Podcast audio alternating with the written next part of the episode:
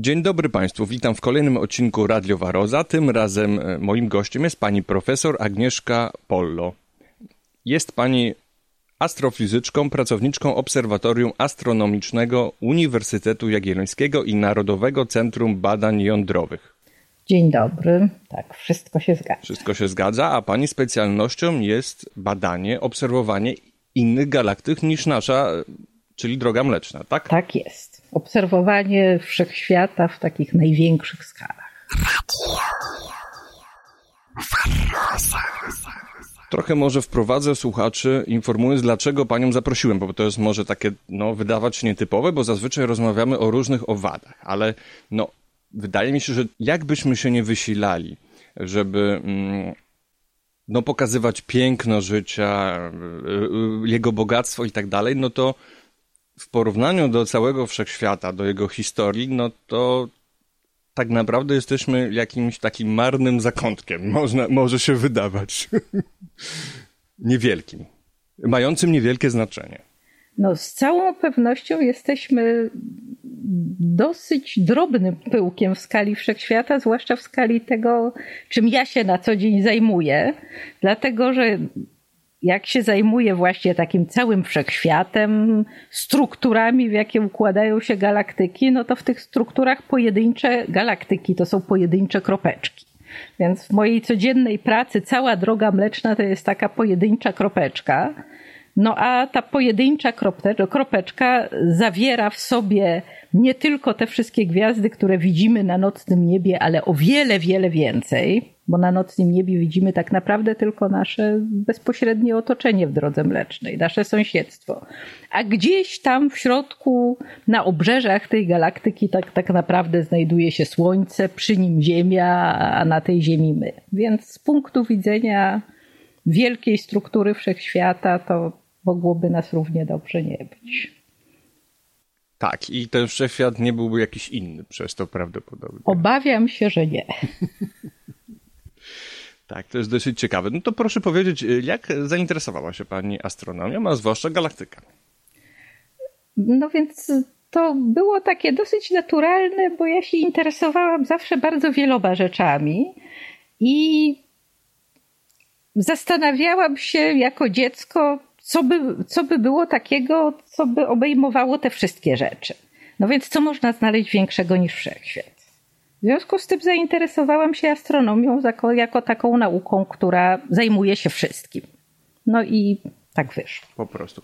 Czyli to jest, była już pasja dziecięca. Tak, zdecydowanie. To u mnie też trochę takiego było, aczkolwiek nie przerodziło się to w, w karierę naukową. Dziadek, pamiętam, który e, był geodetą, przynosił mi różne książki o planetach właśnie i czytałem sobie, że o ile dobrze pamiętam, proszę mnie poprawić, że Merkury obiega Słońce w, w 86 dni albo 7.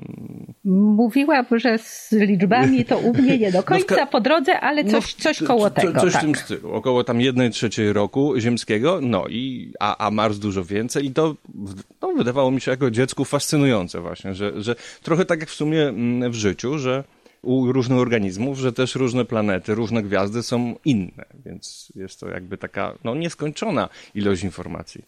W gruncie rzeczy tak, bo można sobie tak na pierwszy rzut oka pomyśleć, że no mamy gwiazdy, które są wszystkie podobne, mamy galaktyki, które są wszystkie podobne, mamy planety, które są wszystkie podobne, a tymczasem tak wcale nie jest. Wszystkie planety są jakoś tam inne, gwiazdy się różnią od siebie, galaktyki się różnią od siebie.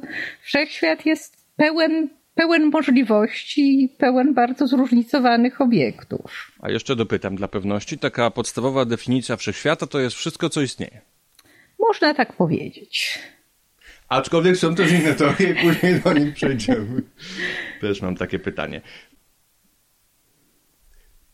Jak jeszcze sobie rozmawialiśmy tutaj we wstępie, no to mówiła Pani, że mm, e, nasze e, nasza na przykład galaktyka, a także inne, to jest taki pyłek we wszechświecie, który, ale jak się mu bliżej przyjrzymy, no to tam są przecież miliony, prawda, różnych gwiazd i tak dalej, więc troszeczkę można to odnieść też do mikrokosmosu, czyli jak spojrzymy na e, no, cząsteczkę chemiczną, to, to tak, tak naprawdę jest tam dużo, możemy dużo, dużo głębiej e, patrzeć, obserwować i też tam będzie bardzo dużo różnych innych cząsteczek, energii i tak dalej, więc No i tak jak sobie czasami czytam takie popularno-naukowe artykuły, to wydaje mi się, że współcześnie no, y, astrofizyka się dość mocno miesza z fizyką kwantową i matematykiem. Stąd moje takie pytanie, czy astronom współcześnie musi być równocześnie też fizykiem kwantowym i matematykiem? Ja bym tego nie ograniczała do fizyki kwantowej. Natomiast astronom na pewno musi być fizykiem i zresztą astronomowie przeważnie kończą studia fizyczne. Więc to, mm, czy, czy astronomia jest przeważnie na Wydziale Fizyki, więc y, wykształcony astronom musi znać fizykę i musi znać matematykę, zresztą tak samo jak i fizyk. Fizyka to też y, jest coś, czego się nie da uprawiać bez aparatu matematycznego. Więc y, tak, astronom jest i fizykiem, i matematykiem, i astronomem na dodatek. Tak, bo bez matematyki się nie da. Czyli jeżeli ktoś kogoś to interesuje, ale niezbyt dobrze radzi sobie w matematyce, no to musi się podszkolić. No niestety, jeżeli kogoś to interesuje, to można być astronomem amatorem i dla astronomów amatorów też jest pełno miejsca na świecie i to nie jest tak, że bycie amatorem w tej dziedzinie to jest coś, co należy traktować lekko, bo amatorowie, amatorzy robią wiele bardzo cennych rzeczy odkrywają nowe komety, odkrywają nowe planetoidy, prowadzą takie y, długotrwałe obserwacje różnych zjawisk. To są wszystko bardzo cenne działalności, więc jeżeli kogoś matematyka nie interesuje, to może się zajmować takimi rzeczami. Natomiast y, taka profesjonalna astronomia to jest też próba zrozumienia tego, dlaczego we wszechświecie różne rzeczy działają tak, jak działają. No i niestety tego bez fizyki i matematyki zrobić się nie da. No to trochę tak jak w biologii, bo tutaj jest próba zrozumienia, jak działają e, byty ożywione, prawda? Tak, no nauka jest poniekąd uniwersalna. To, co pani powiedziała, przypomina mi trochę też amatorów e, w entomologii, bo tam też e, entomologia dużo zawdzięcza różnym mm, ruchom amatorskim właśnie. Dużo, dużo tacy ludzie odkrywają, no, mogą, czasami ma się wrażenie, że cały swój wolny czas mogą poświęcać. Tak, więc to jest, to jest bardzo, bardzo cenne i są takie problemy, całe programy, to się po angielsku nazywa citizen science, czyli takie projekty nauki obywatelskiej, które są właśnie planowane przez, przez nas, ale każdy może się włączyć, no i właśnie pomagać dzięki temu, że ma komputer, że ma czas, pomagać identyfikować różne obiekty, znajdować różne obiekty i w takich programach czasami są, zdarzają się bardzo ciekawe odkrycia. Widziałem taki program internetowy, chodziło w nim i to chyba nawet nie trzeba było się specjalnie znać na astronomii, chodziło w nim tylko o klasyfikację galaktyk właśnie. Galaksy ZU zapewne. Być może. Tak. Bardzo, bardzo dobry projekt i jak najbardziej wszystkich zachęcam. I na razie jeszcze mm, ludzie są potrzebni, to znaczy, no, komputery nie są w stanie zastąpić tej, mm, y, tych, y, te, tych rzeszy ludzi, którzy oznaczają to, tak? Y, ja myślę, że to jest tak, że komputery i ludzie są w pewnym sensie kompatybilni w tym wypadku. I to jest też trochę tak, że ta rzesza ludzi działa jak taki rozproszony komputer. Więc to, to, to, to jest taka rozproszona sieć neuro, neuronowa, która rozpoznaje różne rzeczy i to, co ci, ci wszyscy ludzie rozpoznają, potem jest wykorzystywane jako wsad do komputerów, żeby identyfikować obiekty w jeszcze większych, jeszcze innych e, danych. Więc e, to jedno z drugim współdziała, ale właśnie, właśnie ci ludzie, którzy współpracują, są nieocenieni w tym wypadku. Dobrze, także jeśli ktoś by z naszych słuchaczy chciał zostać astronomem amatorem, to w każdym wieku można. Jak najbardziej. I nie trzeba się wcale specjalnie uczyć. Wszystkiego tam się można dowiedzieć przy okazji udziału w takim programie. Dobrze, to już sobie trochę na ten temat powiedzieliśmy, czyli pewnie pani odpowie, że matyką, matematyką, ale jak może coś szerzej da się na ten temat powiedzieć, jak współcześnie bada się historię wszechświata? To jest szeroki temat. Więc generalnie, generalnie całe podejście do badania nie tylko historii wszechświata, ale w ogóle no, różnych rzeczy, tak naprawdę ma trzy ścieżki. Jedna ścieżka no to jest budowanie modeli teoretycznych. Mamy już jakiś start, wiemy coś o podstawach fizyki, no i próbujemy budować modele, które by, do, które by do obserwacji, do wszechświata pasowały. Z tego wynika, że druga ścieżka to są obserwacje.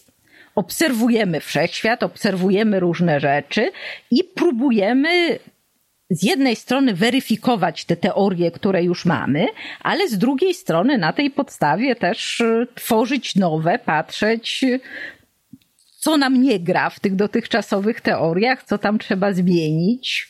Może w ogóle wszystko trzeba zmienić. I jeszcze jest trzecia ścieżka w tej chwili, taka, można powiedzieć, trochę pośrednia.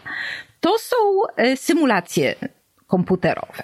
Więc z jednej strony symulacje komputerowe to jest w gruncie rzeczy odmiana teorii, bo żeby stworzyć symulację, no to wkłada się do komputera jakąś informację teoretyczną i otrzymuje rozwiązania, których tak łatwo na papierze by się nie dało otrzymać, a komputer wszystko policzy i na przykład zbuduje nam taki sztuczny wszechświat z założeń, które mu podamy. No a potem takie sztuczne wszechświaty zbudowane na podstawie jakichś teoretycznych założeń można badać i porównywać z tym wszechświatem, który obserwujemy opracowanie coś przez komputer, takiego sztucznego fragmentu wszechświata, według e, założeń, które są zgodne z paradygmatem naukowym, oznacza, że to już jest jakaś poszlaka, że mm, być może tak jest, tak? tak. I w tym kierunku później idziemy tak. i zaczynamy to obserwować. Tak. Znaczy, obserwujemy niezależnie od tego, ale możemy te dwie rzeczy porównać. Możemy też coś w tym paradygmacie zmienić i zobaczyć, czy wtedy nadal dostaniemy coś podobnego do obserwacji, czy nie. Może się też okazać, że policzymy komputerowo symulację, zrobimy jakiś taki symulowany wszechświat, a obserwacje nam powiedzą, no niestety, nie działa. Pani Agnieszko, y, o ile ja się orientuję, no to główna, główny aktualny paradygmat o początku wszechświata, no to jest teoria wielkiego wybuchu. No tak, to się nie zmieniło. I proszę powiedzieć, czy to jest dobra nazwa? Y to jest pytanie filozoficzne. Tak, ale to pytam o pani, o, o pani opinię, oczywiście, bo... Myślę, że to jest ładna nazwa, natomiast oczywiście ona, trudno powiedzieć, że jest ścisła że trudno powiedzieć, że ona rzeczywiście oddaje cokolwiek, co się rzeczywiście wydarzyło, więc możemy mówić wielki wybuch, możemy nazywać to jakkolwiek inaczej, natomiast tak naprawdę mówimy o czymś w rodzaju punktu zero, od którego w ogóle możemy mówić o istnieniu wszechświata i jego ewolucji, wraz z istnieniem czasu. No w każdym razie y, uściślając, y, bo teraz niestety y, za naszą wschodnią granicą spadają bomby, no nie było tam żadnego wybuchu w tym, w tym sensie.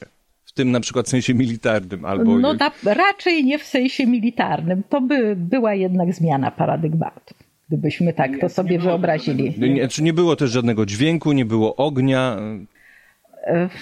No, myślę, że o ogień byłoby trudno, bo ogień jednak y, jest bardzo związany z tą materią, jaka nas w tej chwili otacza, a której wtedy jeszcze nie było. Więc dźwięk to też jest coś, co musi się przenosić w czymś, czego jeszcze nie było wtedy. Natomiast też y, trzeba pamiętać, że ten całkiem pierwszy okres istnienia wszechświata to jest taki okres, którego dzisiejsza fizyka nie potrafi opisać. Więc te, te, te pierwsze ułamki sekundy to, to jest dla nas taka ziemia nieznana, bo, bo nie mamy narzędzi, żeby powiedzieć, co tam się mogło dziać. Ale taki dość ważny punkt, który w, w, w, tej, w tej nazwie, który mi uzmysłowił, że nie było tak, jak wcześniej myślałem, czyli to, to nie było trochę na zasadzie, że jest skoncentrowana materia i ona zostaje rozerwana, tak jak w wybuchu, i i nagle staje się, prawda, mm, no przeniesiona na dalekie odległości. Tutaj zostało to jakby tak trochę rozciągnięte, prawda? Nie, to, to tutaj to trzeba sobie zdać sprawę, że to jest moment, kiedy powstaje i przestrzeń, i czas. I potem ta przestrzeń się rozciąga, ale ta przestrzeń od początku jest nieskończona. Więc to, to jest tak, jakbyśmy mieli powierzchnię balonika, który cały czas się nadmuchuje. Więc ten balonik się pojawia i potem, potem on się od środka nadmuchuje i jego powierzchnia rośnie.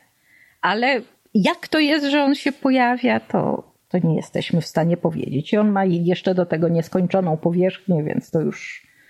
Dopytam jeszcze, czyli tak jak teraz e, prawdopodobnie wszechświat może mieć tam jakąś szacunkową e, masę, to dokładnie tą samą masę miał najprawdopodobniej w chwili początku. Y, z takimi rzeczami, czy wszechświat ma jakąś szacunkową masę, to bym o tyle uważała, że y, w sytuacji, kiedy mówimy o nieskończonościach, to jest, y, to jest dość ryzykowne. Natomiast to, do czego możemy się odnosić, to, to, to, to właśnie tak, no, była jakaś e, zawartość, e, jakiś bilans tego, co, co było w tym wszechświecie i ten bilans pozostał. To, co się zmienia, to to, że płynie czas i rozszerza się przestrzeń. No i powstają galaktyki, o czym No później i powstają galaktyki, no bo następuje pewne porządkowanie materii w tym wszystkim.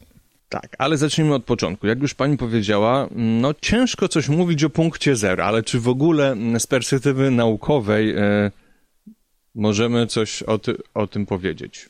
Z perspektywy naukowej możemy powiedzieć, że to jest ten obszar, gdzie nic nie wiemy. Aha, no czyli nie możemy. Czyli Musimy, nie możemy. Ewentualnie możemy tylko w coś wierzyć.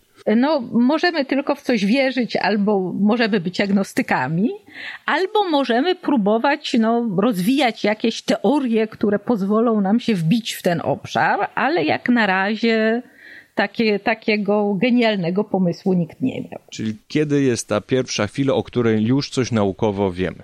To zależy, czy mówimy naukowo-teoretycznie, czy naukowo-obserwacyjnie. Ja z punktu widzenia obserwatora mogę powiedzieć, że jednak wolę odnosić się do tego, co, co widać. I pierwsze, pierwsze światło, które, które odbieramy ze wszechświata, pierwsza rzecz, o której możemy powiedzieć, że rzeczywiście obserwujemy, to jest tak zwane mikrofalowe promieniowanie tła, które zostało wysłane, wyemitowane, to są fotony pochodzące z okresu mniej więcej 380 tysięcy lat po Wielkim Wybuchu, więc nie tak strasznie wcześnie. To już jest moment, kiedy ten wszechświat już tak się wychłodził, przyzwoicie rozszerzył, już powstała ta cała materia, o której możemy powiedzieć, że no, to nie, nie była oczywiście ta materia, którą mamy dzisiaj w sensie pierwiastków na przykład, no ale już te podstawowe cząsteczki, protony, neutrony, jądra wodoru, to, to już wtedy było. I to jest, to jest ten pierwszy moment, o którym możemy mówić obserwacyjnie. Dlatego, że okres wcześniejszy to jest taki okres, który rekonstruujemy, ale rekonstruujemy bardziej na podstawie ekstrapolacji tego, co fizycy obserwują na przykład w akceleratorach. Czyli to jest taka fizyka cząstek elementarnych przeniesiona, ta wiedza z dziedziny fizyki cząstek elementarnych przeniesiona na wcześniejszy okres, na najwcześniejszy okres wszechświata. I to było to, co wiemy, ta, ta, ta pierwsza chwila, powiedzmy w mhm. cudzysłowie, około 13 miliardów lat temu. Tak. Takie pytanie, no trochę filozoficzne chyba, dlatego że spotykam e, dwa takie określenia, które często no, nie są definiowane, nie są e, dość ściśle określane, czyli że, mm, że wszechświat zachowuje się tak, jakby dążył do jakiegoś porządku lub że jest chaotyczny. Czyli wszechświat to pani jawi się bardziej jako jakiś proces chaotyczny czy uporządkowany? E, ja myślę, że jedno i drugie.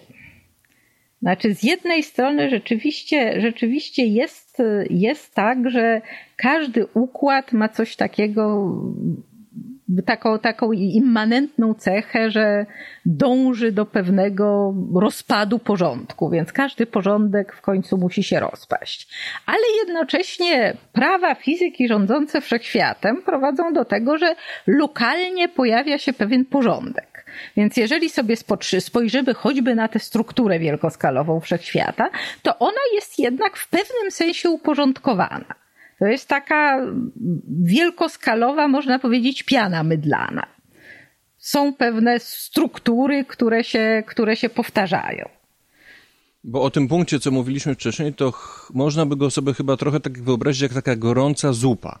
To znaczy ta plazma na przykład i tak dalej. I w, tej, w tym wczesnym okresie, czyli 300, 300 kilkadziesiąt milionów lat po, po Wielkim. Wybuchu. Tak. Natomiast mm, toku ewolucji wszechświata no, pojawiały się coraz bardziej uporządkowane struktury w sensie właśnie na przykład gwiazdy, tak? Czyli tak, tak jakby w zupie nagle części tak, stałe się zaczęły tak, pojawiać. Tak. tak, czyli no, to jest jeszcze trochę bardziej skomplikowane, dlatego że tutaj mamy ciemną materię, o której tak naprawdę niewiele y, znaczy, której nikt nigdy nie widział, której cząsteczek nikt nigdy nie złapał, ale wydaje nam się, że ona jest głównym budulcem wszechświata, więc to jest trochę tak, że mamy zupę ciemnej materii, która się właśnie jakoś porządkuje dzięki grawitacji, i w tej zupie ta materia, którą znamy i na którą mm, astronomowie mówią tak trochę żargonowo materia barionowa, więc ta nasza materia tam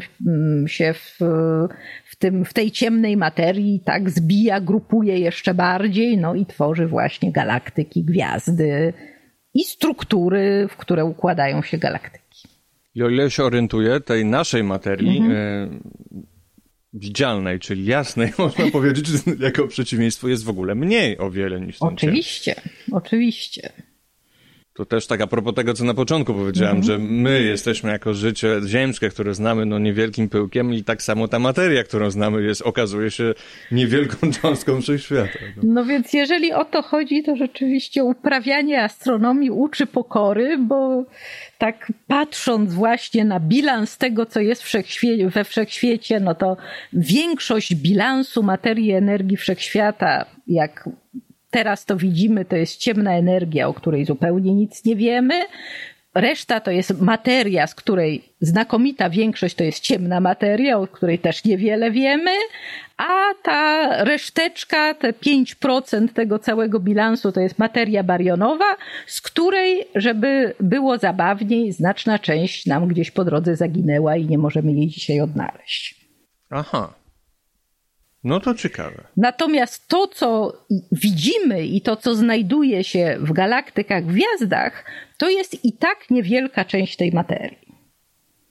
Mhm. Bo tak e, z naszego punktu widzenia, e, bez oczywiście oczu uzbrojonych, to mogłoby się wydawać, że no właśnie są te gwiazdy, planety, galaktyki, a poza tym pustka. A to właśnie tak nie jest. Nie to te gwiazdy, planety, galaktyki to są tak naprawdę takie świeczki na bardzo dużym i bardzo masywnym torcie, którego zupełnie nie widzimy. Bo to jeszcze może pochodzić z takiego starego rozumowania, które, y, gdzie próżnie się kojarzy z niczym, a, a tak naprawdę to nie jest nic, tam coś jest, prawda? To, co właśnie teraz pani powiedziała, te na przykład energie, o których niewiele wiemy, albo nic, tak? Tak, no więc próżnia rzeczywiście w kontekście kosmicznym też jest trochę czym innym niż na Ziemi.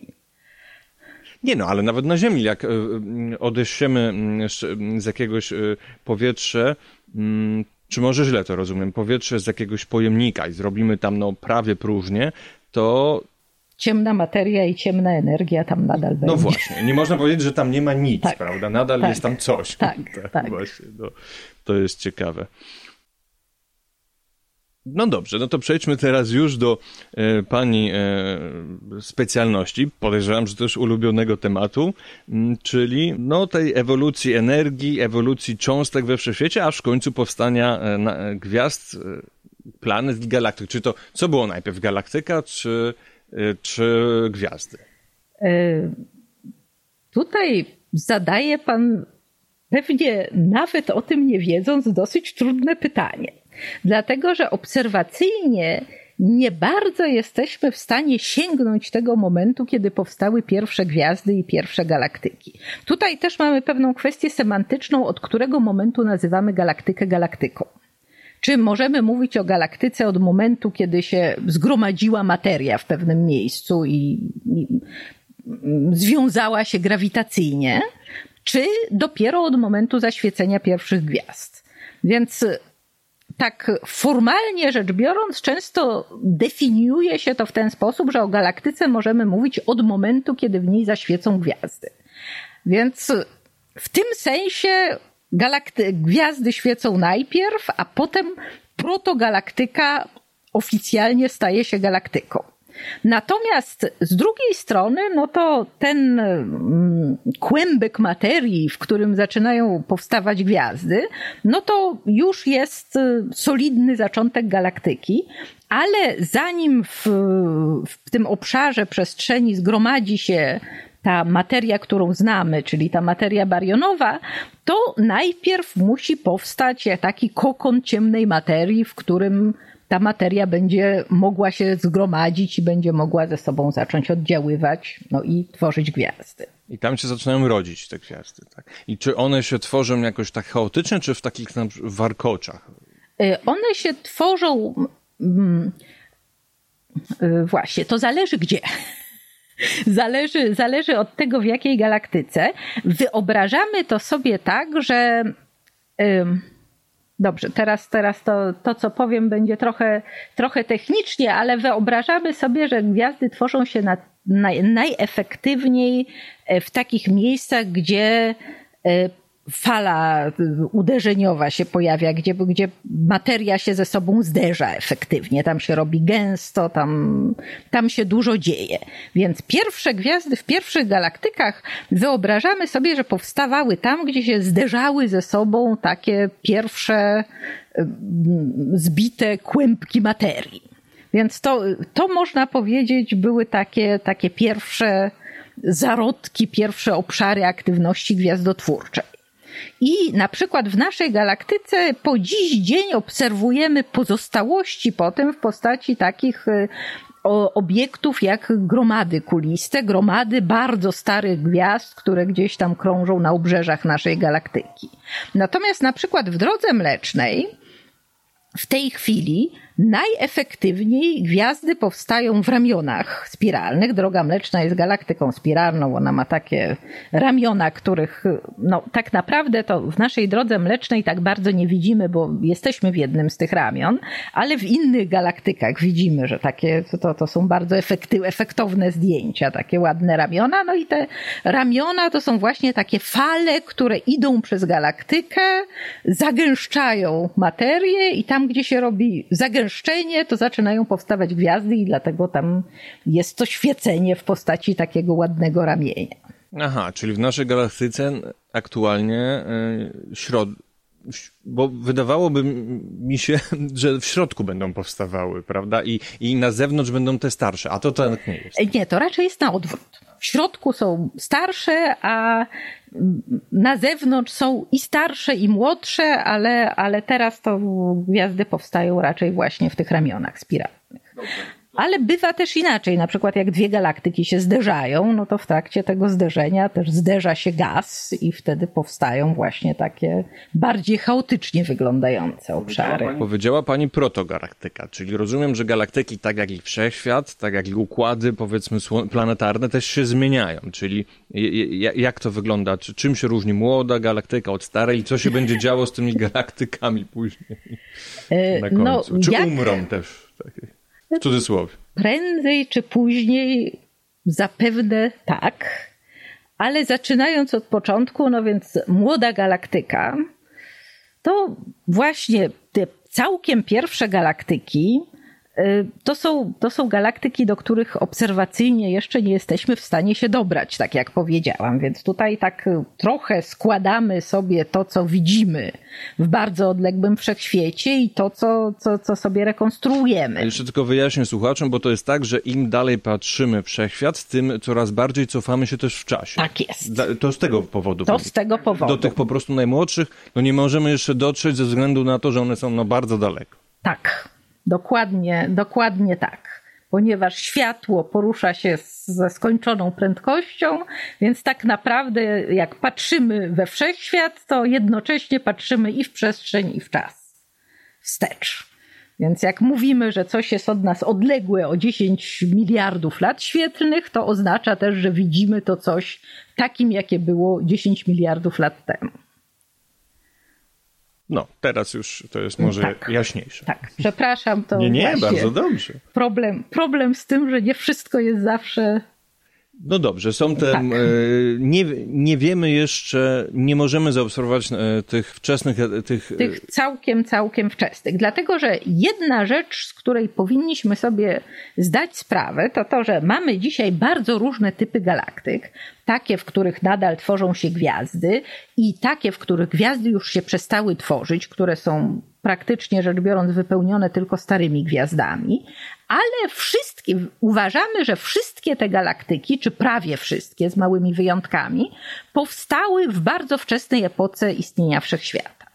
Więc jeżeli dzisiaj nawet tak kolokwialnie mówimy, że któraś galaktyka jest młoda, bo jeszcze tworzy gwiazdy, a inna jest stara, bo już nie tworzy gwiazd, to tak naprawdę ta młoda galaktyka to może jest młoda duchem, ale ona powstała praktycznie rzecz biorąc równie dawno, czy niewiele, niewiele później niż ta stara galaktyka, która gwiazd już nie tworzy. Więc to tempo wygasania aktywności gwiazdotwórczej zależy też od wielu innych czynników. Nie, natomiast y, tak, tak jak wydaje nam się w tej chwili, to te wszystkie galaktyki powstały bardzo wcześnie. Czyli był taki okres wyjątkowy dla powstawania galaktyk. Tak. Aktualnie nie powstają żadne? Powstają przypuszczalnie, ale to są bardzo małe galaktyki i to są bardzo rzadkie przypadki, więc takich galaktyk rzeczywiście szukamy, dlatego że one są ciekawe, one nam coś mogą powiedzieć o tych procesach, jakie, jakie mogą się dziać w takich młodziutkich galaktykach. Natomiast takie galaktyki, jeżeli powstają, to, to tam, gdzie materii jest, jest malutko, także i ciemnej materii, więc to są takie bardzo spóźnione galaktyczki. Natomiast wszystkie duże galaktyki powstały już dawno, dawno temu. Właśnie, a w ogóle to zapomniałem e, zacząć od zdefiniowania galaktyki, czyli czy galaktyka to jest zbiorowisko gwiazd? Czy... Można powiedzieć, że galaktyka to jest zbiorowisko gwiazd, ale oprócz e, gwiazd Większość galaktyk e, zawiera też i pył na przykład, i gaz.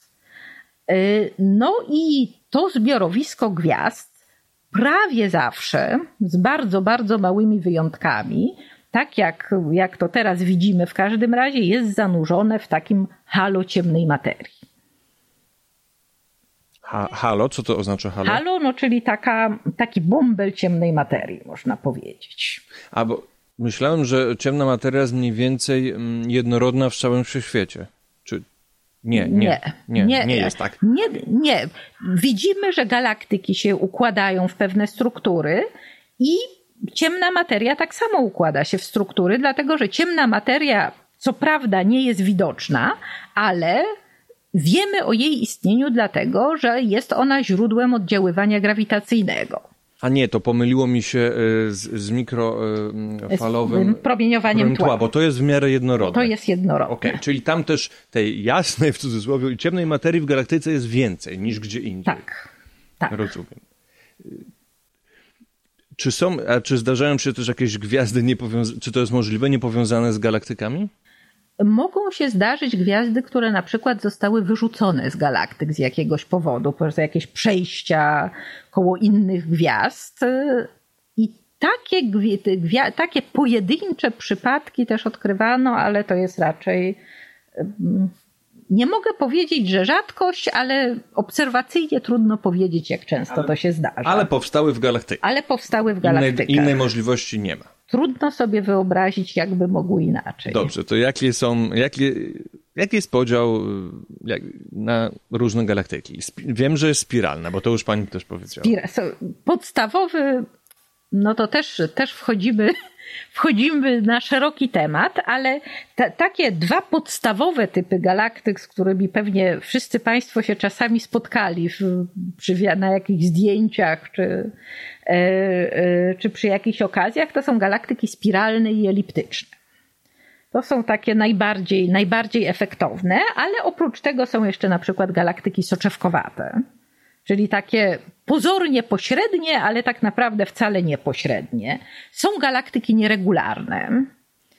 Y, są różne typy galaktyk, które są w jakiś sposób specjalne. Są galaktyki, które są takie niby spiralne, ale zamiast ramion spiralnych mają, mają pierścienie.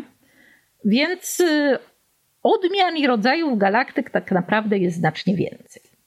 Z praktycznego punktu widzenia też czasami dzielimy galaktyki na aktywne gwiazdotwórczo i nieaktywne gwiazdotwórczo. I ten podział zwykle też dobrze się pokrywa z takim podziałem, że galaktyki eliptyczne są nieaktywne gwiazdotwórczo, galaktyki spiralne i nieregularne są aktywne gwiazdotwórczo, ale no, nic nie jest stuprocentowe, więc... Nie, no to są tylko pewne szufladki. Oczywiście. Zresztą to tak jak i w biologii.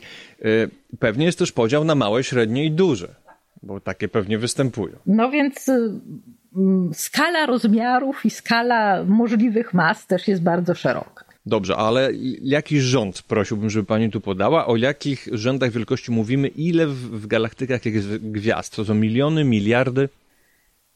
10 do 10 to będą. O, to tak, właśnie. Ileś tam zer. E, tak, tak.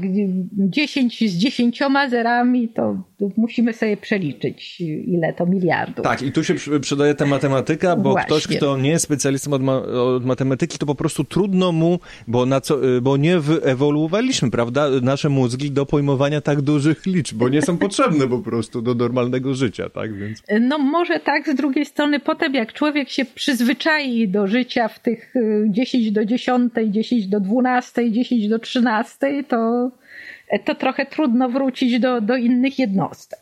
Ale tak, te, te skale, w których na co dzień obserwujemy, to jest jedynka z bardzo dużą liczbą zer. No na przykład nie potrafiłbym sobie wyobrazić, ile to jest pieniędzy. Gdyby już tak praktycznego coś.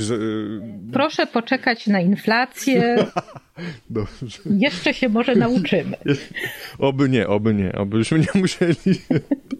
Znaczy nie no, to jest tak dużo zer, że... Mm, może być ciężko przykład. wydrukować. Jakby sobie wyobrazić ciąg zer po prostu na papierze, to ile metrów papieru by do tego potrzeba? No jeszcze nie tak dużo, ale... Dałoby się to zrobić e, w granicach ziemskich, tak? Bez, bez problemu. No, jeżeli chodzi o same zera, to, to, to, to nawet na kartce papieru by się dało, ale, ale gdyby chcieć postawić jedną kropkę w, w miejscu każdej gwiazdy w galaktyce, to już byśmy się napracowali. Mhm. No dobrze, czyli to są bardzo bogate mm, w gwiazdy e, galaktyki, e, galaktyki tak. No tak. a co z planetami, bo kiedyś, kiedyś jeszcze, mm, no to się uczyliśmy, prawda, że, bo po prostu znaliśmy tylko nasz układ słoneczny. A o, o ile wiem, pamiętam zresztą jak byłem dzieckiem, że mm, czytałem e, w magazynie Wiedza i Życie o odkryciu e, pana profesora Wolsztana, tak? Tak jest. E, o pierwszej innej planecie spoza układu słonecznego. A z tego co wiem, no teraz już jest dużo tak odkrytych takich tak. planet, więc w tych galaktykach poza prawdopodobnie, właśnie, czy, zna, czy to jest na razie jeszcze abstrakcja, czy mamy zaobserwowane jakieś planety poza naszą galaktyką? Wydaje mi się, że poza naszą galaktyką to jeszcze nie. Aczkolwiek głowy nie dam. Musiałabym ale... sprawdzić, ale wydaje mi się, że nie. Ale prawdopodobnie istnieją, tak? Można Prawie tak na pewno. Nie mamy powodu zakładać, że nie istnieją. Jasne. Czyli ta galaktyka jest to zbior, o, poza zbiorowiskiem gwiazd, zbiorowiskiem planet. Taki. Tak. I nawet wydaje się w tej chwili, że posiadanie planet jest dla gwiazd dość typowe. W biologii to by za, zacząć można by zadawać pytanie, czy to jest korzystne dla gwiazd posiadanie planet. Tak jak, dla, tak jak dla jakiegoś organizmu, czy są korzystne jakieś cechy. No, a tutaj to już chyba nie. Tutaj to wydaje mi się, że dla gwiazd to jest dosyć obojętne, bo planety w porównaniu z gwiazdą to jest jednak straszna drobnica, więc w przypadku gwiazd planety to są takie pozostałości z produkcji. Mhm powstała gwiazda, no i to, co tam, te śmieci, które pozostały z powstawania gwiazdy, no to z czasem utworzyły, utworzyły planetę. A czy one na przykład mogą jakoś wpływać na tą gwiazdę matkę, ich można powiedzieć, y, jeżeli chodzi o jej długość życia w tym stanie na przykład stabilnym, czy coś takiego, czy to raczej są zbyt małe siły, żeby... To przeważnie, przeważnie są o wiele za małe, żeby to miało znaczenie. Oczywiście w pewnych sytuacjach, jak ta planeta jest bardzo blisko, no to ona w pewnym momencie się zderzy z tą główną gwiazdą i i, spali w jej atmosferze, ale to, to zazwyczaj dysproporcja mas jest tak duża, że to będzie jak, jakaś chwilowy, chwilowy rozbłysk i, i tyle. Zderzenia samych gwiazd, no to co innego, to wtedy to rzeczywiście że cię rzeczywiście może wpłynąć na ich ewolucję. Tak, są takie układy chyba podwójne, tak? Tak. Że na przykład dwie gwiazdy kręcą się wokół siebie. Tak, kręcą się wokół siebie, podkradają sobie y, atmosferę, czasami się w ogóle y, ogołacają. Jedna gwiazda ogołaca drugą z materii. Mamy takie gwiazdy, o których się mówi, że są czarne wdowy, że one w ogóle tam zassały tę drugą, tak. Aha. Ale to, ale to. I to co się dotyczy- dzieje z taką gwiazdą, która zasie drugą? Ona po prostu powiększa swoją masę, po, po, tak? I- Powiększa swoją masę. No i potem jej dalsza ewolucja zależy od tego, jak ta masa ją predystynuje do tej ewolucji. Co tam pochłonęła, Tak. tak. Bo gwiazdy oczywiście tak jak i galaktyki się różnią na małe, duże i, i Tak. średnie i, i i no inny jest w cudzysłowie żywot na przykład tych dużych niż Tak, małych, tak? tak. Te duże mogą wybuchnąć z tego. Duże, duże żyją krótko, małe żyją długo przede wszystkim. No i duże żyją gwałtownie, więc żyją krótko i przeważnie kończą życie w jakichś gwałtownych procesach, te najmasywniejsze w wybuchach supernowych. Natomiast te najmniejsze gwiazdy to one sobie żyją spokojnie i długo. Aż stają się na przykład białym karłem, tak? Nie, biały karzeł to jest akurat pozostałość po takiej troszeczkę masywniejszej gwieździe.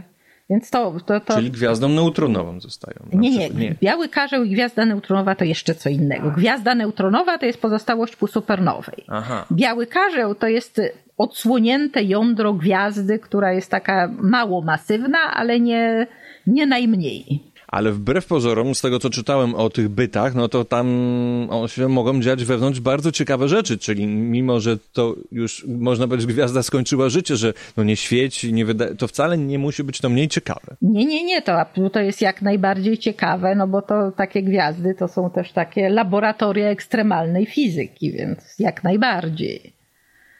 Bo taka zwykła gwiazda, no to można powiedzieć, że to jest bardzo duży, olbrzymi reaktor nuklearny.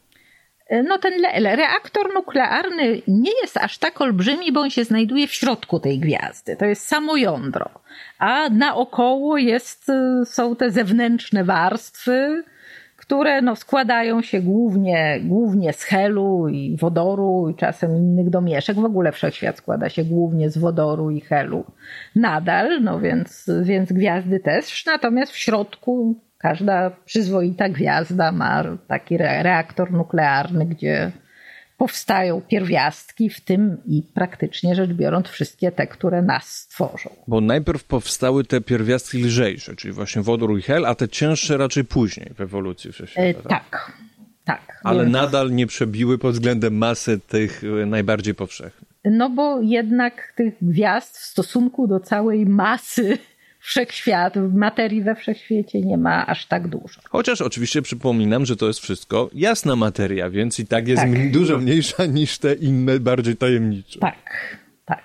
Dobrze, ale wracając jeszcze do galaktyk i układów y, planetarnych, czy, no bo aż takie pytanie się narzuca znów, czy nasza tutaj galaktyka, czy nasz układ słoneczny jest jakoś szczególny wobec innych? Dla nas jest szczególny, bo w nim mieszkamy. Natomiast y, generalnie to wydaje się, że nie. Nasze Słońce jest tak, gwiazdą tak zwanego ciągu głównego, taką niezbyt dużą, raczej w kierunku karłów, więc jest taką bardzo przeciętną gwiazdą, bardzo typową gwiazdą. Mówi się czasami, że być może, być może jest stosunkowo mało zmienne w porównaniu z innymi podobnymi gwiazdami, więc może to, co, co je wyróżnia, to jest taki stosunkowy spokój. Ale to, to też, też nie jest tak łatwo, łatwo ocenić, więc, więc Słońce jest, jest gwiazdą taką no, nie, nie wyróżniającą się specjalnie. Y, jej położenie w galaktyce też nie jest y, jakieś szczególne, tak gdzieś no, na, Bynajmniej nie jest centralne. zdecydowanie nie centralne, raczej, raczej na peryferiach. Żadna, żadna wyróżniona lokalizacja. Nasza galaktyka też jest galaktyką taką bardzo typową, bardzo przeciętną. W swojej kategorii, no to można powiedzieć, akurat ten typowy rodzaj galaktyki, jaki w dzisiejszym wszechświecie spotykamy, znajduje się w takiej niewielkiej grupie lokalnej galaktyk, która no, gdzieś tam spływa taką przypuszczalnie wielką rzeką galaktyk do, do supergromady, która jednak znajduje się dość daleko, więc to, więc to tak płyniemy sobie bez, bez jakichś specjalnych e, efektów wokół nas, jeśli chodzi o inne galaktyki, jest tak dosyć pusto. Wydaje się, że gdzieś tutaj to mamy raczej jakieś takie stosunkowo puste obszary, więc bardzo możliwe, że jakiś kartograf z dalekiego wszechświata, jakby popatrzył na ten nasz e, fragment, to by powiedział, że tu w zasadzie nic nie ma, a już na pewno nic ciekawego. I umknęłaby mu Ziemia. No bo jednak trzeba przyznać, że co do planety, to przynajmniej na razie z tego co wiemy, no wydaje się dość dziwna. Ziemia? Tak. Dlaczego? No bo, a proszę mnie, chętnie, chętnie usłyszę, że się mylę. Ale wydaje mi się, że tak, no, mm, życie wpłynęło, że ma jednak trochę dziwną atmosferę, bo ma tlen, no i ma ciek- dość dużą ilość ciekłej wody. Na razie odkrywamy raczej wodę w innych stanach, na innych planetach. Oczywiście to jest związane z odległością od Słońca, no, rzeczywiście w układzie słonecznym Ziemia jest jedyna w swoim rodzaju, ale w układzie słonecznym każda planeta jest jedyna w swoim rodzaju. O każdej planecie da się powiedzieć coś, czego się nie da powiedzieć o innych planetach. Więc rzeczywiście Ziemia różni się od innych planet w układzie słonecznym, ale, ale te planety po prostu bardzo się od siebie różnią. Więc no i tych planet nie ma znowu aż tak dużo. Nawiązałem do tego kartografa e, abstrakcyjnego z innej galaktyki. Do, jak rozumiem, to tak jakieś nawiązanie e, do, e, jak, do no to jakiejś innej inteligencji, która by mogła istnieć, tak? No więc czy nie zwróciłoby jego uwagę, że mm, w atmosferze jest tlen? No bo tlen w atmosferze zawdzięczamy między innymi organizmom żywym, tak? Więc tak, po pierwsze, gdyby to był rzeczywiście kartograf z innej galaktyki, to on Ziemi by nie zobaczył. Pewnie nawet Słońca by nie zobaczył. To, to, to, to nie, nie są te detale, na które by w ogóle mógł zwracać uwagi. Nie, ale załóżmy, uwagę. że ma jakiś przyrząd, który informuje, bo my już chyba trochę na ten temat wiemy, prawda? Jakie pierwiastki mogą być y, w atmosferze no tak, tylko to raczej w naszej własnej galaktyce, więc to musiał być, by być jednak ktoś z naszej galaktyki, pewnie. No może w innych galaktykach Ale może miałby lepszą, super świetny sprzęt. Lepszą, lepszą metodologię, no ale, ale to nie byłoby takie proste. No więc pewnie by, pewnie by zwrócił uwagę na skład atmosfery, natomiast to nie jest do końca tak, że tlen jest jakoś specjalnie rzadki we wszechświecie. Tlen, tlen w, w galaktykach powszechnie występuje, dlatego że tlen jest naturalnie produkowany w procesie ewolucji gwiazd. Więc linie tlenu, linie widmowe tlenu w galaktykach widzimy normalnie, więc wiemy, że wiemy, że wiemy, że on jest. Czy tlen w atmosferach innych planet przy innych gwiazdach występuje powszechnie czy nie, to na razie trudno powiedzieć, dlatego że takich planet poza Układem Słonecznym, na które dało się popatrzeć pod względem składu atmosfery, nie ma aż tak dużo. Więc takich zbadanych planet, y, które byłyby w jakiś sposób podobne do Ziemi też dużo nie ma, no bo większość planet, jakie odkrywamy poza, poza Układem Słonecznym, są, to są jednak planety większe. A jakiego rzędu na razie jest to ilość tych zaobserwowanych planet? Setki? Wie, teraz już więcej. Teraz to już są tysiące. Znowu z liczbami mi nie po drodze, nie, musiałabym sprawdzić. Rząd wielkości. Tak, ale i te, y, to, te liczby dość gwałtownie rosną.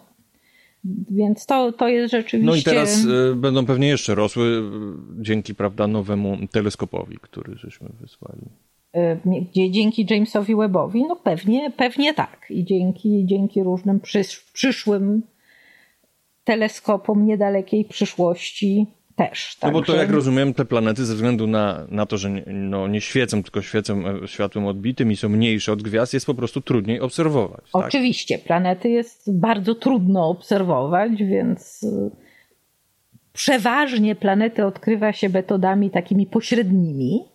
Odkry znalezienie takiej planety, na którą rzeczywiście można popatrzeć i, i coś zmierzyć, jeżeli chodzi o nią samą, jest y, jest jeszcze trudniejsze i takie planety nie są, nie są częste nadal.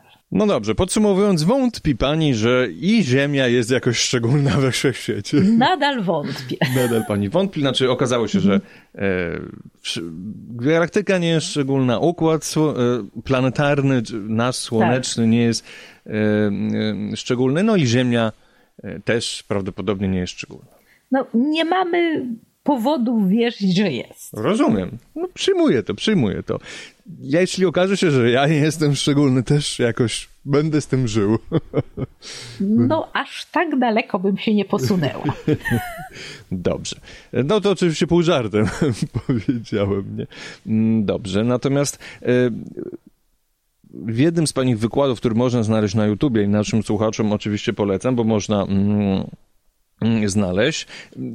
Pokazała Pani filmik z grafiką 3D, jak właśnie te mm, galaktyki powstawały. I muszę, y, i to, to, to, co mnie uderzyło, że to właściwie można wytłumaczyć też w sumie no, najprost, znanym, najprostszym, prawda, siłą, która jest we wszechświecie, czyli grawitacją. Jak to wszystko fajnie się tworzyło, ewoluowało i muszę przy, przyznać, że przypomniało mi to trochę ta sieć, mm, taką sieć neuronów. Yy, tak. Więc wielkoskalowa struktura wszechświata, ta sieć, w którą układają się e, galaktyki, rzeczywiście bardzo przypomina e, sieć neuronową i e, Mam też znajomych, którzy wykorzystują te same metody do badania sie, sie, sieci neuronowej i, i tej sieci wielkoskalowej wszechświata jeden, jeden z naszych kolegów, profesor Van den Weigert z, e, z Holandii, na przykład na wszystkich swoich wykładach bardzo chętnie pokazuje e, widzom właśnie dwie sieci i pyta, która to sieć to są neurony, a która to jest wszechświat. I nie jest łatwo zgadnąć. No właśnie, czyli moje skojarzenie było dobre. Jak najbardziej. Dość ciekawe. Czyli właśnie też takie uzmysławiające człowiekowi, że tutaj no, nie potrzeba żadnej wielkiej na przykład magii, prawda? Tylko zwykłe po prostu znane siły fizyczne po prostu. Jak tak. najbardziej. To jest zresztą bardzo uderzające, że grawitacja wystarczy. Człowiek się zastanawia, tutaj mamy taki skomplikowany wszechświat. Na początku, czyli to, co widzimy w mikrofalowym promieniowaniu tła, no to wydaje się, że to jest wszechświat taki prawie idealnie jednorodny, prawie idealnie rozsmarowany jak tutaj jedno z drugiego zrobić. A tutaj proszę, wkładamy grawitację i mamy. I to na komputerze wychodzi właśnie. I dosłownie przypomina, te, te sztuczne galaktyki przypominają te naturalne. Tak. tak. To, to jest, powiedziałabym, imponujące. Dobrze, ale skoro istnieją te różne rzeczy, bardziej lub mniej niezwykłe, no i nasza akurat część nie należy, tak jak pani powiedziała, do jakichś szczególnie e, niezwykłych, ale jak to wszystko się może skończyć? Jakie są hipotezy na ten temat? Bo jakieś są. No, różne, różne hipotezy są. Pewnie, pewnie też y, słuchacze wiedzą, że y, przez lata były rozpatrywane na przykład hipotezy taka, że wszechświat będzie się rozszerzał, a potem się zapadnie z powrotem, ale to y, według dzisiejszej wiedzy to nie. Inna hipoteza taka, że wszechświat będzie się rozszerzał, a potem się gwałtownie rozerwie, co zniszczy całą przestrzeń i materię. Więc to jest trochę bardziej prawdopodobne, ale też raczej nie. Najprawdopodobniejszy scenariusz, według tego co teraz wiemy, to jest taki znacznie mniej efektowny. Czyli też y, znów nie jakoś szczególnie niezwykły. Y, no, to się nazywa cieplna śmierć wszechświata, czyli po prostu będzie się robić coraz zimniej, coraz ciemniej, coraz zimniej, coraz ciemniej. No i w końcu wszystko zgaśnie i się rozpadnie. Ale co się z tą ma materią stanie? No właśnie, w końcu ulegnie też rozpadowi mhm. i rozproszeniu. Więc. Ciężko to jakoś. Więc, no to dzieli nas od tego jeszcze wiele, wiele, nawet więcej niż miliardów lat, ale. Czy wciąż nas prawdopodobnie dzieli więcej do końca umownego niż do początku? Zdecydowanie więcej. nadal jesteśmy w tym okresie, kiedy coś się dzieje. No ale jeśli chodzi o już tak zagrożenia, no to oczywiście mm, ewolucja Układu Słonecznego jest tutaj dużo bliższym układem. To prawda. Też jeśli chodzi o przetrwanie życia, no to nie będzie za wesoło. Takie tam rzeczy jak wyparowanie wody, skład, e, całkowita zmiana e, składu atmosfery. No, potem pewnie odparowanie Ziemi, no chyba, że Ziemia będzie miała szczęście i jakaś inna gwiazda ją wyrzuci z układu słonecznego, ale to też może nie być za Więc tak, no cóż, zoba znaczy zobaczymy. No nie zobaczymy, co będzie, a szkoda, bo to mogło być ciekawe. No myślę, że bardzo bym chciała pożyć jeszcze parę miliardów lat i to zobaczyć. Chociaż to mogłoby być też przerażające. No są, prawda, żyć tak długo. Nawet hipotetycznie. Dobrze. Pytanie filozoficzne, bo znalazłem dwie takie koncepcje nawet kiedyś e, w tygodniku powszechnym był poświęcony ten, e, cały dodatek e, temu zagadnieniu, czy świeczek jest bardziej według pani matematyczny, czy matematyzowalny? Tak, to jest, to jest pytanie filozoficzne, a ja za filozoficznymi tematami tak bardzo nie przepadam, bo, bo to nie jest coś, na co potrafię odpowiedzieć, a dywagacje, no to, to jednak nie jest do końca nauka. Więc. No nie nauka ścisła na pewno. No na pewno nie nauka ścisła, więc można powiedzieć, że z pewnego punktu widzenia, no to do pewnego stopnia wszechświat jest matematyką, po prostu. Są pewne prawa, pewne, pewne reguły matematyczne, które wszechświat definiują. Natomiast czy w tym kontekście, no w tym kontekście jest pewnie matematyczny też, a to, czy jest matematyzowalny, to już zależy od tego, kto go matematyzuje. Czyli to zależy od nas, czy go potrafimy matematycznie opisać, czy nie. No właśnie, bo w tym pytaniu chyba chodzi o to, że mm, ja to tak przynajmniej rozumiem, że że wszechświat jest matematyczny, to trochę tak by powiedzieć, że jest fizyczny. Mi się wydaje, że na, a, a ja ra, raczej skłaniam się do tej koncepcji matematyzowalności, czyli że świat jest raczej fizyczny, są obiekty fizyczne, które my swoimi mózgami po, potrafimy po prostu zmatematyzować i to nam się przydaje bardzo do uporządkowania wiedzy. Tak, tak mi się wydaje. Pewnie ale... tak, natomiast, natomiast czy możemy tak dobrze oddzielić fizykę od matematyki w tym wypadku, to też bym nie, nie była przekonana, bo no oczywiście, oczywiście przesadne przywiązanie do formuł matematycznych w przypadku fizyki to też jest y, ścieżka na manowce, ale jednak y, no jednak nie da się ukryć, że fizyka bez aparatu matematycznego nie do końca jest, jest sobą. To prawda, a może istnieć z kolei bez fizyki, jako po prostu no, teoretyczne no rozważania. Tak. No właśnie, i tu przechodzimy do następnego punktu mojego, który nam się fajnie powiązał. Mamy o hipotezach wieloświatów, ale to dlatego, że słyszałem, że w innym podcaście pani o tym mówiła. Dlatego y, też odpowiadała pani na takie pytania, jakich pani być może nie lubi. Dlatego... I pewnie też mówiłam, że nie lubię tego tematu. Tak, ale ponieważ jest on bardzo modny, więc stwierdziłem, że ciekawie będzie go poruszyć. Ale, no bo mówiła pani, że nie lubi pani takich rozważań filozoficznych, że woli się pani obracać w nauce ścisłej. Ale twórcy teorii różnych wieloświatów powiedzieliby, że jak myślę, przekonani do tych różnych teorii, że oni uprawiają naukę ścisłą, no bo przecież to jest matematyka, obradzają się w hipotetycznych y, y, obiektach fizycznych w końcu. E, hipotetycznych. I czy matematycznych, czy fizycznych, to już możemy w tym wypadku dyskutować. Więc wydaje, wydaje mi się, że no jest pewne kryterium, jeśli chodzi o to, czy coś, coś jest naukowe, czy nie, i tym kryterium jest pewna weryfikowalność. Bo rzeczywiście teoretycznie możemy tworzyć wiele różnych koncepcji, wiele różnych modeli wszechświata. I, I to się robi. Modeli wszechświata, modeli przestrzeni istnieje bardzo dużo. I niektóre z tych modeli, niektóre z tych koncepcji testujemy, no i, i kto wie, może, może nawet te wieloświaty istnieją. Natomiast i sama propozycja takiej koncepcji to jest jak najbardziej okej. Okay.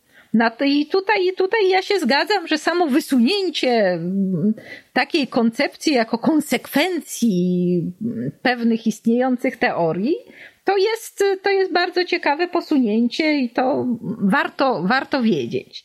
Natomiast problem widzę w tym, jeżeli się w to wkłada zbyt wiele energii i też czasu pracy bardzo mądrych ludzi, jeżeli to potem ostatecznie do niczego nie prowadzi, dlatego że to, że to nie jest weryfikowalne.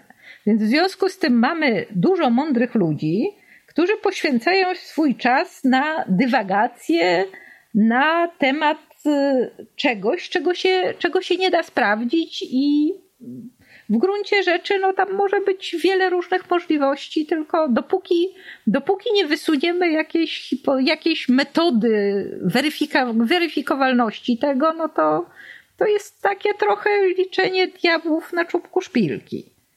Możemy to robić, tylko, tylko czy warto? I tutaj do tej matematyki trochę wracam, czyli jak nawet coś, co jest świetnie obliczone i wychodzi, okazuje się, że nie ma błędu, sprawdzi to yy, algorytmy właśnie sieci neuronowych, sprawdzą to wielokrotnie, to nadal nie musi być prawdą, mimo że jest matematycznie prawidłowe. No, może być prawdą matematyczną, natomiast niekoniecznie musi znajdować Istnieć. odbicie w świecie rzeczywistym. Więc tak, jak najbardziej. Bardzo wiele pięknych modeli matematycznych, pięknych modeli możliwych wszechświatów nie ma nic wspólnego z naszym wszechświatem, a modele jak najbardziej są. No dobrze, ale artykuły mówiące na ten temat, no jednak ukazują się w czasopismach e, naukowych. czyli jak rozumiem, no pani by wolała to trochę oddzielić jednak. No ja bym, ja bym wolała zachować pewne proporcje.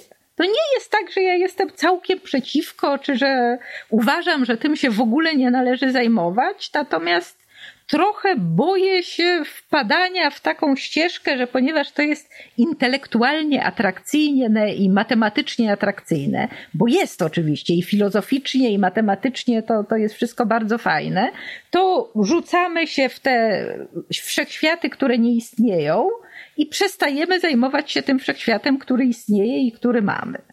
I to, to już jest pewne, pewne ryzyko, dlatego że no, jednak te środki na badania, jakie mamy, są ograniczone. Liczba ludzi, którzy się tym zajmują, też jest ograniczona.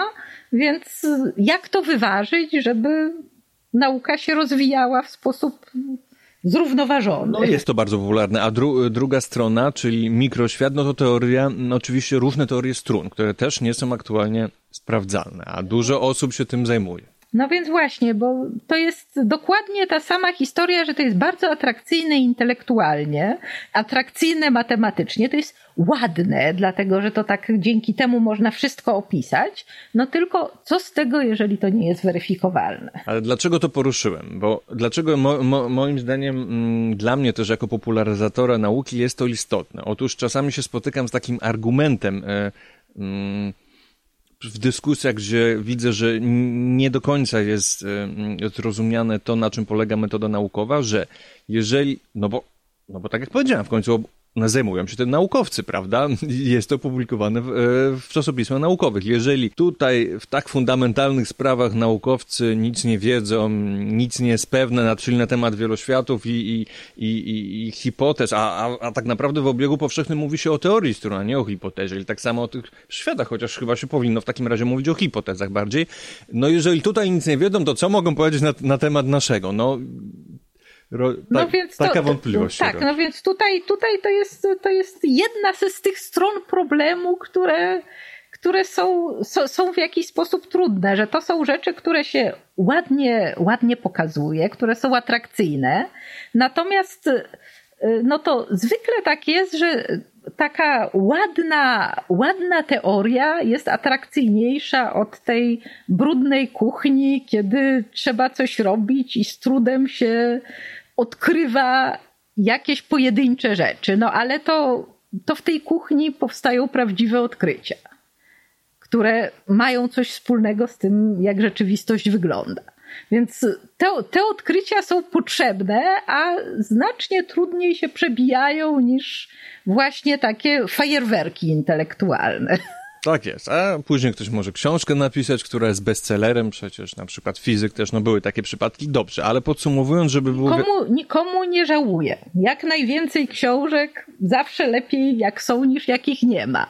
Ale, ale pewnie książki o tych, o rzeczywistości takiej, jaką widzimy, też by się przydały i rzeczywiście też trochę więcej zrozumienia, że no, właśnie to jest fajne w nauce, że tak mało wiemy i możemy ciągle odkrywać. Tak, ale właśnie to kryterium jest ważne, o którym pani powiedziała, czyli jak rozumiem, chodzi o kryterium też obserwowalności, że to, czym się zajmuje nauka ścisła, to oczywiście czasami często jest hipoteza, czyli dopiero jakby pytanie, ale jest możliwość obserwacji w niedalekiej przyszłości, tak? W jakiejkolwiek przyszłości, więc to jest pewne kryterium weryfikowalności.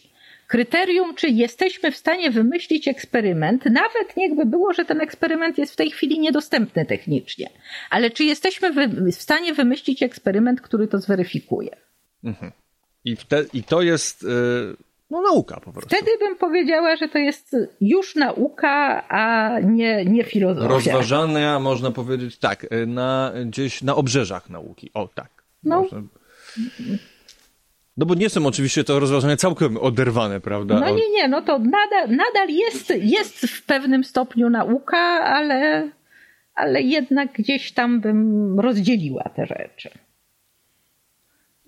Kolejne pytanie, ale kurczę, ale wy, może okazuje się, że takie, które pani nie lubi. No ale wysu, wysyłałem pani wcześniej. To było do dyskusji. Co sądzi pani o astrobiologii? Też jest to modny temat ostatnio.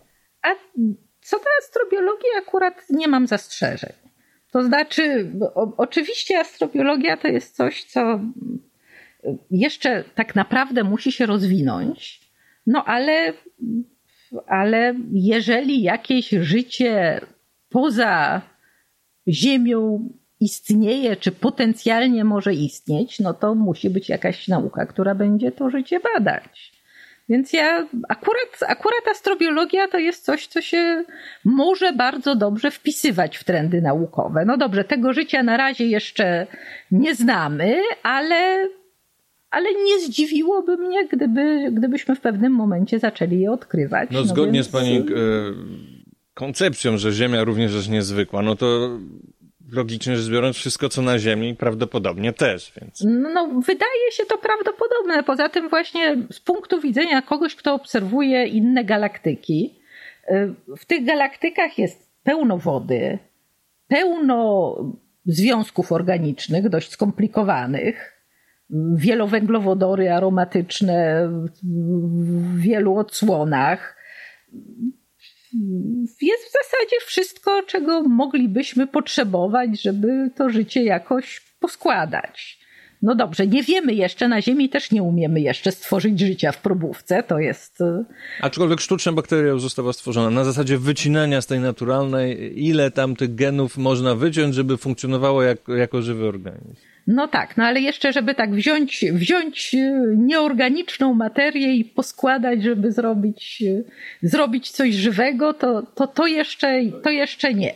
No i to właśnie między innymi bada astrobiologia, czyli te na przykład mm, e, związki, które pow mogą powstawać y, w galaktykach, które, z których mogłoby powstać ewentualnie więc to, to jak najbardziej jest nauka eksperymentalna i nie Chociaż, widzę w tym nic Chociaż. Mo, moda na dany temat jednak czasami jest niekorzystna. Bije do na przykład tej wielkiej sensacji dziennikarskiej mm, odkrycia życia na Wenus, gdzie się okazało, że tam jest po prostu jakiś związek właśnie. No i to jest temat astrobiologiczny. Y, z jednej strony tak, z drugiej strony proszę zauważyć, że wtedy y, ważyły się losy pewnej misji, która mogłaby polecieć badać Wenus, no więc... Y, Aha, to, to o tym nie pomyślałem. To było skorelowane, tak? Po prostu łatwiej uzyskać wtedy y, finan nie, nie twierdzę, że to musiało być skorelowane, ale nie zdziwiłabym się, gdyby, gdyby było. Więc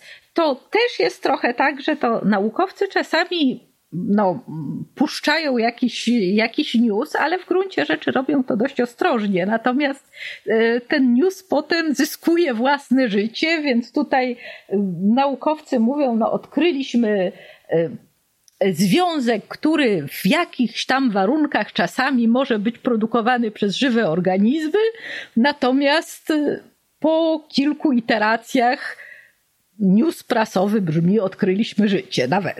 No właśnie. Ale to już jest też kwestia tego, jak działa, działają media i jak media przetwarzają informacje. O to, o to mi chodziło, ale no szczególnie e, dzieje się co w tych modnych tematach. Tak. No ale mody w nauce istnieją i chyba, chyba walka z tym to by była walka z wiatrakami. Możemy się starać kształtować te mody tak, żeby zmierzały do czegoś, co wydaje nam się dobre. Ale to tyle.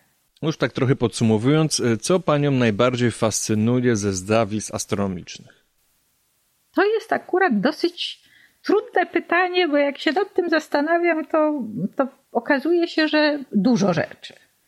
Fascynuje mnie właśnie to, że, że te zjawiska astronomiczne bardzo często dają się tak ładnie statystycznie opisać, że te, że tego, że te wielkie zbiory danych dają się przełożyć na takie jednak stosunkowo proste, proste opisy y, zjawisk fizycznych. Więc wydaje mi się, że to, co mnie fascynuje najbardziej, to jest to, że wiele rzeczy da się wyprowadzić z takich bardzo prostych zasad, jak na przykład właśnie to, że grawitacja w gruncie rzeczy wystarczy, żeby nam zbudować ten wszechświat, jaki mamy. Oczywiście potem zaglądamy trochę bliżej, no i tam im, im bliżej lasu, tym więcej drzew widzimy, ale, ale jednak ta, fakt, że jesteśmy w ogóle w stanie ten wszechświat jakoś opisać, to jest fascynujące, bo to wcale nie jest oczywiste.